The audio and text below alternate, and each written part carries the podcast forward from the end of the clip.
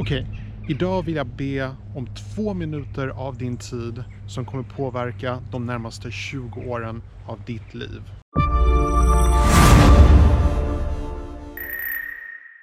Hej, mitt namn är Tommy och jag gör videon om hur du kan bemästra social media idag. Jag släpper en ny video precis varje dag klockan sju. Okej, så någonting som jag ständigt får höra om social media, det är samma varje gång. Att för att lyckas på social media så måste du ha mycket tur för att bli som Casey Neistat, för att bli som MKBHD.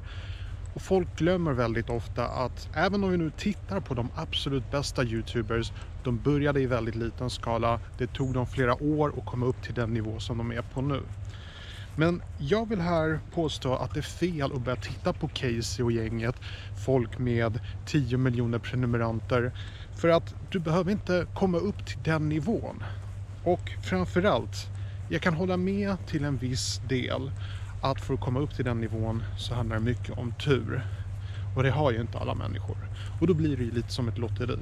Och det är det jag tror är den vanligaste strategin när folk släpper en video. De släpper en video släpper fem videon till och med och sen blir de besvikna att de inte har haft en miljon views eller en miljon prenumeranter.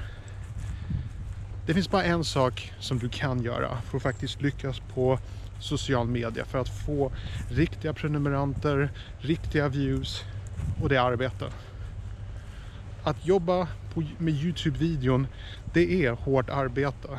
Man måste jobba det. Det finns inga genvägar. Du kan inte ha tur. Det är så fruktansvärt ovanligt att man lyckas slå igenom med tur.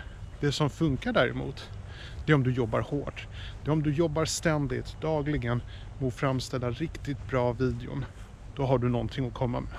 För grejen är den att du kan inte kontrollera tur. Men du kan kontrollera hur mycket arbete du gör.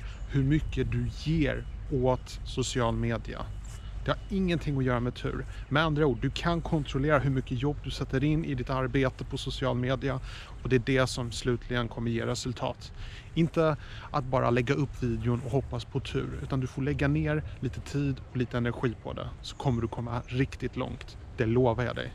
När jag först hörde talas om bitcoin så var jag faktiskt sugen på att köpa. Men alla pratade om att det är ett pyramidspel, att det inte kommer löna sig. Idag ångrar jag så fruktansvärt mycket att jag inte köpte bitcoin för 1000 kronor. Jag hade varit multimiljonär idag. Samma sak med social media. Snälla, det finns inget värre än ånger. Satsa på social media, gör ett riktigt bra försök och vem vet, du kanske kommer ha det roligt.